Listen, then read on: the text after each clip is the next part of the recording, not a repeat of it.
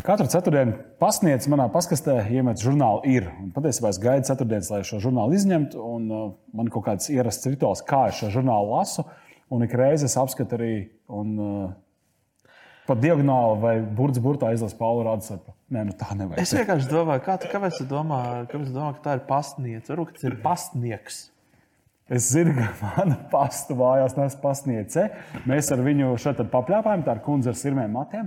Un viņa teica, ka viņa kādreiz uh, strādāja milicijā un brauca mocu ar blaķeni. Ar blaķeni viņa vēl. Šobrīd viņa brauc ar tādu četrteņu transportu. Bet Ved... pasniegs ir svarīgs, svarīgs, tāpēc, svarīgs amats, tāpēc, ka pasniegs mums piegādā presi. Un, Jā. uh, viens, no, viens no preses izdevumiem Latvijā žurnāls ir. Uh, mēs runāsim ar Paulu Raucepu, vienu no šī žurnāla dibinātājiem. Un, uh, un, protams, arī ļoti uh, izteiksmīgi komentāri. Kolorīts komentātors, jā, skatāmies epizodē.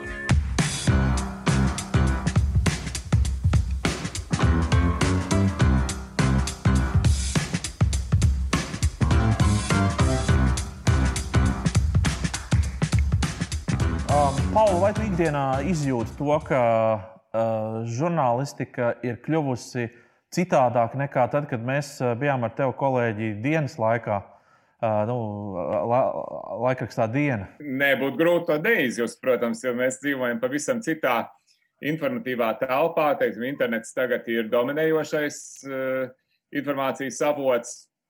Arī viens no galvenajiem informācijas ieguves avotiem, arī žurnālistiem bieži vien. Ja mēs skatāmies, ko raksta politiķi Twitterī un ko viņi raksta Facebookā, un tas, kas notiek šajā te, uh, pastarpinātajā vidē arī veido daļu no mūsu realitātes, un tam ir jāseko līdzi.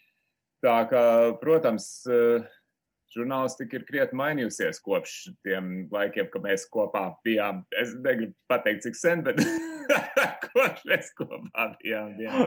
jā. Uh, vis, ar visu to, kas ir noticis šobrīd, uh, nu arī Eiropā nav jau jāiet nemaz tik tālu kā Amerika. Tepat Eiropā, Ungārija, Polija, šīs valstis, kurās arvien vairāk, starp citu, parādās tāda neiecietība pret, pret žurnālistiem, kā profesiju, kā, kā, kā cilvēkiem. Kaut kādā ziņā, vai to mēs varam attiecināt arī uz Latviju, to šīs tendences ir, pastāv kaut kādas? Man liekas, ka nav pareizi vispārināt. Mēs bieži redzam kaut kādas aptaujas, kur prasa, cik jūs uzticaties nu, teiksim, politiķiem, žurnālistiem, kaut ko tam līdzīgu. Un arī no uh, citām valstīm. Un tad mēs tā secinām, ka, ja cilvēki saka, ka viņi neusticās žurnālistiem, tas attiecas uz pilnīgi visiem, bet tā nav. Eh, starp citu, šonadēļ bija ļoti interesanta konference, arī attālināta, eh, kur rīkoja Stokholmas ekonomiskā augstskola, kur uzstājās eh, cilvēks, kurš vada Thomson Reuters institūta pētījumu par žurnālistiku un tieši arī par digitālo žurnālistiku. Un viņš pateica ļoti svarīgu lietu, ka, ka nevar šo visu sagāzt vienā katlā ja cilvēkiem prasa par konkrētiem mēdījiem vai par konkrētiem žurnālistikas veidiem, tad tās atšķirības ir ļoti lielas. Tā ka nevar teikt, ka cilvēki vispār neusticās. Ir cilvēki, uzticās zinām veidu žurnālistiem, citā, citu veidu žurnālistiem neusticās, bet, protams, ir arī nu, ir daļa sabiedrības, kura dažādu iemeslu dēļ ir kopumā atsvešināta no, nu, ko varētu saukt par politisko eliti.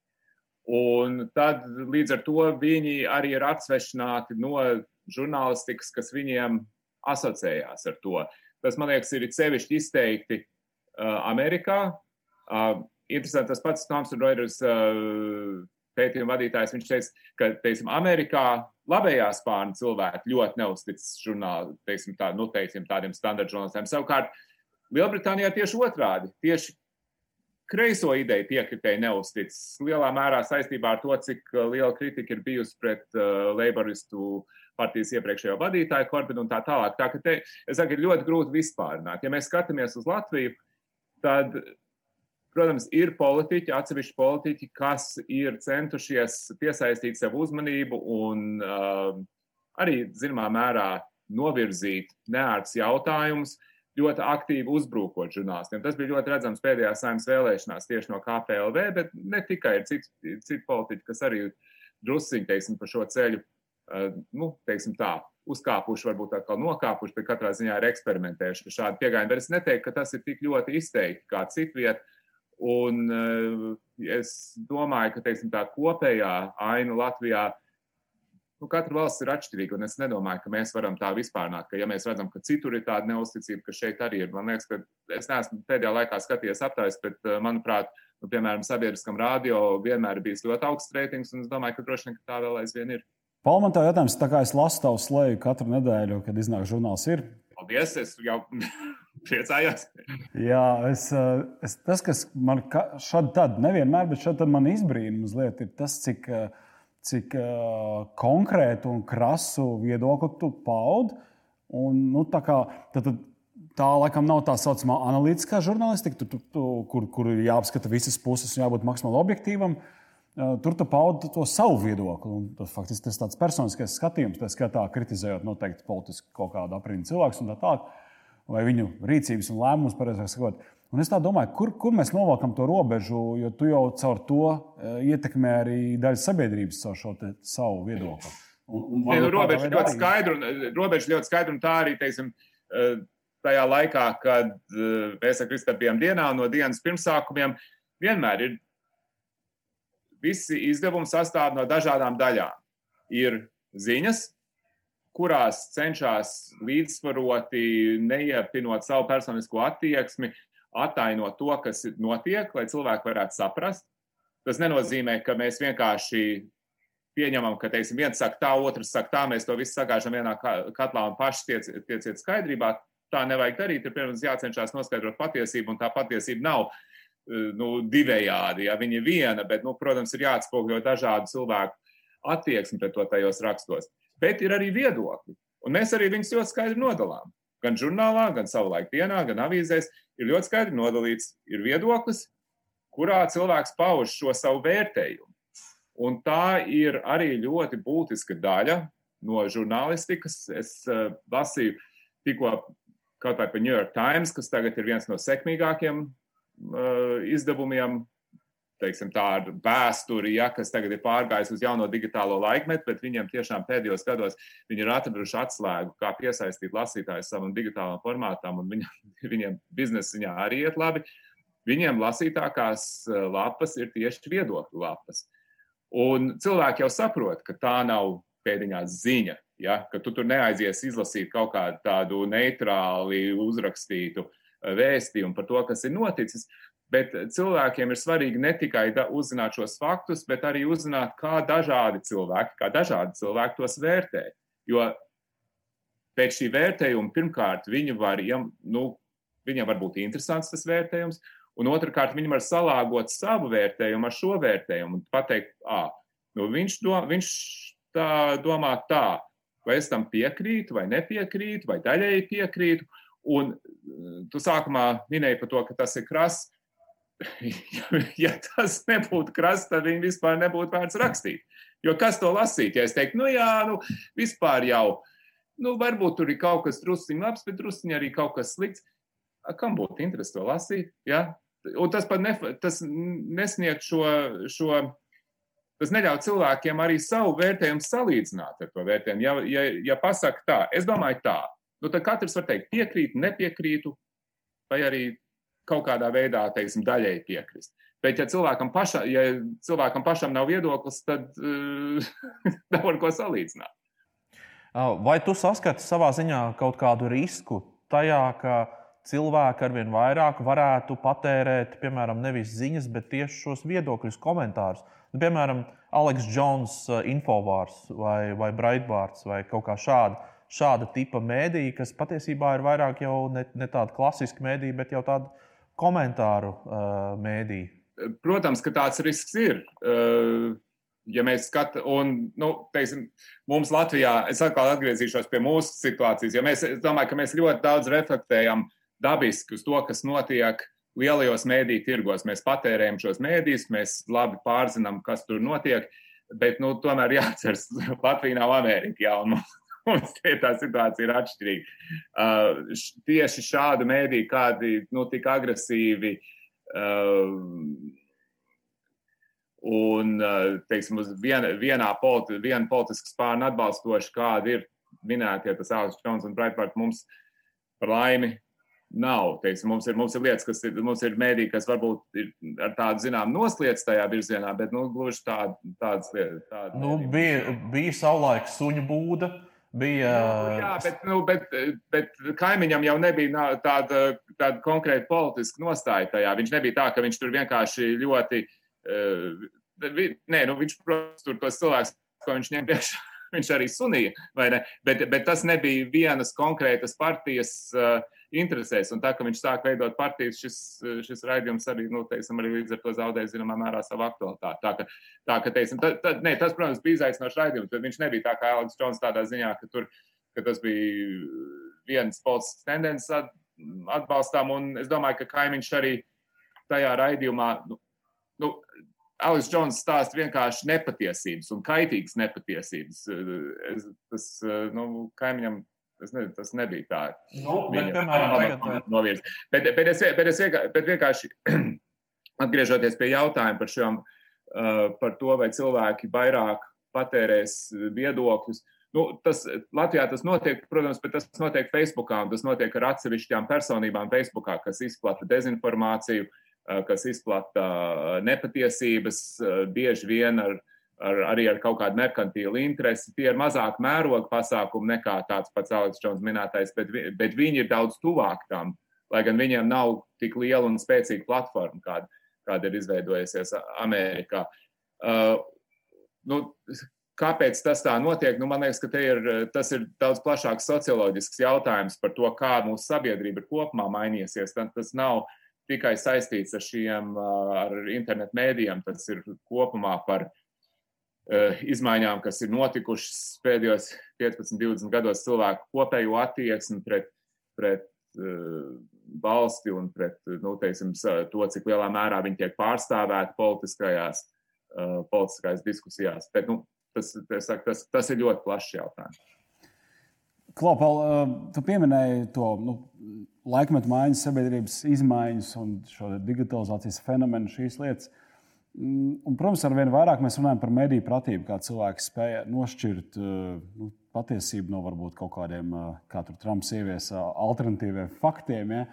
Mans jautājums tev, kā, kā tu, kādu tu padomu dotu cilvēkiem, kas grib patērēt medijas, grib būt kvalitīvi un labi informēti, bet varbūt ir mazliet sajūtas nomaldījušies vai, nu, vai baidās tikt maldināti? Tas, protams, ir ļoti grūti, jo agrāk Un tā sistēma varbūt nebija ideāla, bet, bet tajā agrākajā sistēmā, kur nebija šis milzīgais uh, informācijas ūdenskritums, kas pār mums gāžās katru dienu, un kur tu, tu vispār grūti pat izpeldēt no tā, jo tev visu laiku, teiksim, telefonā, datorā visu laiku nāk kaut kas jauns klāt, kaut kas jauns klāt. Nu, agrāk jau bija tā, ka bija, ka bija profesionāļi, kuri tavā vietā atlasīja. Ne, viņi nebija tā, ka viņi nekad nekļūdījās, un nebija tā, ka viņiem, ka katram cilvēkam, protams, ir savas, uh, savas vērtības, savu vērtības skala, pēc kura viņi atlasa to, kas viņiem liekas svarīgāks vai mazāk svarīgs. Bet, jebkurā gadījumā, tie bija profesionāļi, kur teica, ka, teiksim, ja mēs kaut ko uh, drukājam vai pārraidam, tad mēs pārbaudām. Mēs paskatāmies, vai mums tas liekas ticams, vai mēs varam atļauties, teiksim, tā neaptraipot savu labo reputāciju, to lai tālāk tautās. Un tā ir profesija. Tas nav, to nav, tas prasa laiku. Un prasīt, lai katrs cilvēks tagad kļūtu par šādu profesionālu redaktoru, nu, tas ir ļoti daudz prasīts. Ja. Nemaz nerunājot par to, ka, protams, ka cilvēkam, pat ja viņam ir šīs spējas, eh, tajā, saku, tajā milzīgajā eh, informācijas ūdenskritumā, Mēs katrs, un tā ir ļoti cilvēciska īpašība, eh, mēs katrs, protams, labprāt lasām un dalāmies un laikojam un atbalstām visā tā informācija, kas apstiprina to, kam mēs jau ticam. Ja? Nu, tā, tā, tas ir dabiski. Tā ir. Jā, tas ir. notiek visās jomās. Un, eh, ja tev nav laika pārbaudīt, un ja tu vienkārši tāpat skaties cauri un tu redz kaut ko, kas uh, tas tev pa spalvai, teiksim, glaudi, ja, teiksim, ar tādu sajūtu, ah, jā, tas ir tas, ko es vienmēr esmu domājis. nu, protams, ka tev būs tendēts tam ticēt un nevis pārbaudīt to informāciju, un savukārt kaut kas, kas būs pretēji tavām, no, tav, taviem pieņēmumiem, to tu varbūt apšaubīs, bet arī nepārbaudīs. Tā ka es, es domāju, ka ir teiksim, tā, ja, ja cilvēks tiešām grib, un nevienmēr tas izdodas, bet ja cilvēks tiešām grib būt pēc iespējas Uh, nu, negribu, man nepatīk vārds objektīvs, bet vismaz līdzsvarots un, teiksim, ar tādu veselīgu skepsi, tad tas pirmais, ko izdarīt, ir pirmkārt identificēt katreiz, kad tu jūties, yes, es esmu atradis to, kas beidzot tiem maniem, tiem, ar tiem, ar ko es visu laiku strīdos, pierādīs to, ka man ir taisnība. Nu, tad apstājies uz mirkli un padomā, vai tas tiešām tā ir. Un tā otra lieta, ko es esmu piekopis pie sevis, un es domāju, kas būtu ļoti svarīgi, es nekad Um, nelaikoju, neretvītoju, nepaustoju nevienu rakstu, ko es neesmu izlasījis līdz galam. Respektīvi, es nekad nereaģēju tikai uz virsrakstiem. Nu, tas ir tāds pirmais minimālais solis, bet, bet ja, pat ja tā, vairāk cilvēku to ievērot, liekas, tas uh, ļoti palīdzētu to vidi kopumā sakārtot, jo mēs ļoti bieži reaģējam uz tikai uz virsrakstiem, un tas var būt ļoti maldinoši. Paldies, tev, Paul, par šiem ļoti labiem ieteikumiem. Ja mēs runājam par to konferenci, kur tu pieminēji, ko arī Baltijas, šī Baltijas mēdīja apskats, um, tur arī bija savā ziņā runa par mēdīju kvalitāti. Um, kā tu pats vērtē šobrīd mēdīju kvalitāti, ņemot vērā tās biznesa iespējas, kas šobrīd uh, vispār mēdījiem kā tādiem ir? Jā, nu, es, protams, ir grūti. ir grūti, jo mēs esam izgājuši cauri laikam, kad eh, bija tāda pārliecība, kas izrādījās maldīga, bet tomēr tāda pārliecība, ka tas veids, kā pelnīt naudu, ir piesaistīt pēc iespējas daudz skatījumus internetā, kas, protams, noved pie sauc, tā saucamā, nu, ko, tas vārds man nepatīk, bet, nu, angliski man liekas daudz sapratīs vārds clickbait, ja, respektīvi, ka mēģina piesaistīt klikšķus ar kaut kādiem eh, ekstremāliem, seksīgiem uh, virsrakstiem vai kaut ko tamlīdzīgu. Un tas bija galvenais mērķis. Un tas, protams, do, tas domāšanas veids vēl aizvien ir ļoti spēcīgs un, man liekas, protams, ir ļoti kaitīgs kvalitatīvai žurnālistikai, jo tas liek uzsvaru tieši uz kaut kādu, nu, uz, ne, no katras lietas uzpūst sensāciju, pat ja tas nav pamatoti, un arī meklēt pārsvarā sensācijas, nevis kaut kādas tādas dziļākas rakstus. Eh, dziļāks, eh, nu, teiksim, ieskats, teiksim, notikumos. Tā tas, tas, protams, ir kaitējis, un tas otrs, kas ir ļoti kaitējis kopējai žurnālistikas kvalitātei, uh, ir tas mūsu kopš, diemžēl, kopš finanšu krīzes vēl aizvien nīkuļojošais mēdī tirgus. Ja mēs zinām, ka reklāmas apjoms Latvijas mēdījos ir kopš 7. gada, kad bija 13 miljoni gadā nokrit, ne, es domāju, 130 miljoni ir nokrities līdz 80 miljoniem. Tas, ka ir mazāk naudas, nozīmē, ka var samaksāt algas mazākam žurnālistu skaitam, kas pats par sevi, protams, kaitē mediju kvalitātei, jo vienkārši ir mazāk cilvēku, kas interesējās par to, kas notiek. Ja? Un, un mazāk cilvēkiem ir jānosedz lielāks laukums. Tas nozīmē, ka katrs no viņiem ir uh, mazāk zina par visu to, par ko viņš raksta, un līdz ar to var mazāk pievienoto vērtību dot lasītājiem. Tas viss ir uh, to kopējo ainu diezgan smagi skāris. Ja vēl aizvien ir ļoti labi žurnālisti, vēl aizvien ir ļoti zinoši žurnālisti, bet viņi ir droši vien mazāk, un tā kopējā vide uh, nav tik veselīga, kā savulaik bija. Tā, tā, protams, ir problēma.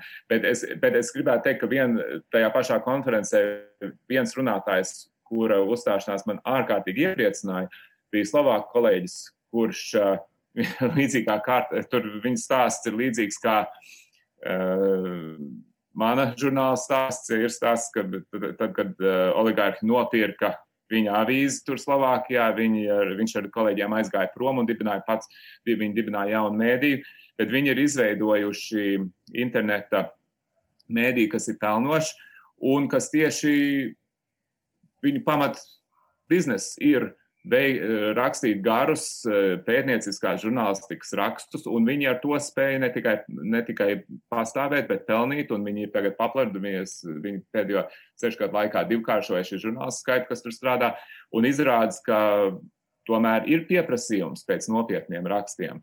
Tā ka tas bija tiešām ļoti, ļoti nu, tā bija iedvesmojoša uzstāšanās, jo var redzēt, ka ir, ir, ir pieprasījums pēc tā. To, mēs, to pašu mēs redzam arī Amerikā. Nu, teiksim, tās New York Times sekmes un Washington Post sekmes rāda, ka ir, ir pieprasījums pēc kvalitatīvas žurnālistikas. Mēs vēl neesam New York Times līmenī, bet dienu pēc ietvaros mēs aicinām ļoti dažādus cilvēkus, uzņēmējus, aktierus un, un arī politiķus. Un ik reiz, kad mēs nopublicējam epizodi ar politiķiem, un mūsu raidījuma formāts ir tāds, mēs neuzbrukam cilvēkam. Mēs ar vienkārši ar viņu runājamies par viņa profesionālo darbību, par to, kā viņš komunicē, kāda ir viņa formula, kāda ir viņa metodika. Komunikācijā ar sabiedrību, ar biznesu nebūtu svarīgi. Un ik reiz, kad ir politiķis, mēs saņemam virkni daudz vairāk komentāru nekā varbūt ar citiem viesiem. Un, un starp tiem ir arī tādi paziņojumi. Nu, skaidrs, tas ir pasūtījums vai nu, kaut kas tāds. Un es iedomājos, tev noteikti arī pašam ir tāda pieredze, kā tu tiec galā ar šo te, varbūt netika pamatoto komentāru gūzmu, kas mēdz vēlties pār tavu darbu, un ka tu skaidri zini, ka tas nav patiesi. Vai tev ir kaut kāda vēlme mesties, aizstāvēt, atbildēt, attaisnot sevi? Oi, man liekas, iesaistīties diskusijās ar šiem komentētājiem ir diezgan, nu, es nezinu, tur um, labums no tā man manā pieredzē nav sevišķi liels. Jā, nu, tur tas apēd ļoti daudz laika, un ja cilvēks ir neapmierināts ar manu darbu, nu labi, nu, lai viņš tā pasakā. Nu, tā tas droši vien vienmēr ir bijis, kad uh, tagad cilvēkam ir lielāka iespēja savu to neapmierinātību izpaust internetā. Agrāk varbūt viņi kaut ko tur uh, turpināja virtuvē. Nu, es nezinu, teiksim tā, ja, ja ir pārmetumi par faktu kļūdām, protams, tās ir jālabo. Mēs vienmēr labojam faktu kļūdas, par to nav runa. Uh, bet, ja cilvēkam šķiet, ka vajadzēja tā kārtīgāk sadot pa purnu, nu, katram žanram ir savi noteikumi. Jums ir savs žanrs, nu, tad ļoti labi. Nu, teiksim, tas, tā jūs arī darbojaties. Un, ja cilvēkiem nepatīk, tad viņi var meklēt kādu citu. Jā. Es domāju, ka ir, ir svarīgi, lai būtu dažādi žanri. Jā. Tas, tas arī ir. Uh, tas ir priekšnoteikums veselīgai mēdīju vidē, kad ir, teiksim, kad ir dažādi žanri, kurā cilvēki var uzzināt dažādas lietas par, gan par politiķiem, gan par visiem citiem. Noslēgumā es uh, gribu tev pavaicāt uh, par drošību, uh, žurnālistu drošību. Uh, Tagad, starp citu, es arī šodien paskatījos Facebookā. Ingai Springa, Springa atkal bija, saka, izlikusi, izlikusi vienu rakstu uh, par to, nu, kā, kā viņai atkal ir eh, kaut kādi draudi izteikti, vai vismaz kaut kādi mājiņi. Uh, un laika pa laikam jau šādas situācijas kaut kur atgadās, uh, kaut, kas, kaut kas šāds notiek. Protams, mēs neesam varbūt tur Baltkrievijā vai Krievijā, bet, uh, bet nu, tik un tā. Uh, Vai tu kādreiz domā par teiksim, savu fizisko drošību un tā, tādām lietām, kā esot žurnālists? Personīgi, kopš 90. gada sākuma man par to nav bijis jādomā. Un arī, ta, arī tad varbūt man personīgi tas nebija. Tas aktuālākais jautājums, bet, protams, līdz kādam 94. gadam, kad arestēja Haritonovu, nu, bija brīži, kad bija tāds sajūta, ka, teiksim, ka, kaut, ka tas, par ko mēs rakstījām, varētu būt arī radīt kaut kādus fiziskus draudus. Uh, mums vai kādiem mūsu redakcijas darbiniekiem. Uh, kopš tam tas tā nav bijis, bet ir taisnība, un es Ingūnas rakstu izlasīju, ka uh, interneta vide, protams, rada lielākas iespējas uh, dažāda veida, nu, dažādi veidi izpausmēm, kas, kur cilvēki vienkārši tā kā izsako un, un, un uh, to, kas ir konkrēts apzīmējums šitam tam nu, jā, nu, sakot, teiksim, tas, ka, ka šādā veidā cilvēki tiek uh, izsekot, ka viņam tiek izteikti draudi, ka teiksim, visa, tiek visu laiku izdarīts psiholoģisks spiediens. Uh, tas, tas var skart ne tikai žurnālistus, tas var skart daudz citus cilvēkus. Man liekas, ka teiksim, tas atbildi šeit ir, ka policijai būtu daudz aktīvāk jāizmeklē tādi gadījumi, jo tas, tas jau nav Tikai tā jau nav tikai žurnālistu problēma. Mēs zinām, ka arī mm, vienkārši kaut kāda iemesla dēļ kāds cilvēks Facebookā atrod kādu citu, kas viņu piesaista, un tad viņi sāk uh, internetā viņam sekot, un tas dažkārt arī noved pie reālām sekām teiksim, ārpus interneta dzīves. Uh, tā ir mūsdienu realitāte, un vienkārši policijai šādiem gadījumiem būtu jāpievērš daudz lielāka uzmanība. Bet es patiešām par žurnālistiem, nu, tas, ka tas, ka mūsu dažādā veidā lamā komentāros un tā tālāk, tā ir arī daļa no šīs vides. Šobrīd es neteiktu, ka tas man vai kādam mūsu kolēģim šajā brīdī būtu izgājis ārpus normām, bet, nu, diemžēl tādas iespējas, protams, pastāv. Pauli, liels tev paldies, ka, ka piekriti mūsu saru, šai sarunai. Es atkal diezgan daudz ko uzzināju, jaunu un, un, un tā. Lai tev sekmējās, lai ir viss droši. Jā, jā. un paldies jums tāpat. Jā. jā, un tiekamies preses, preses lejās, rindās. Un katru ceturtdienu lasām žurnālu ir. Tieši tā. Jā, jā tieši tā, katru ceturtdienu. Labi, paldies. Jā. Vislabāk. Vislabāk.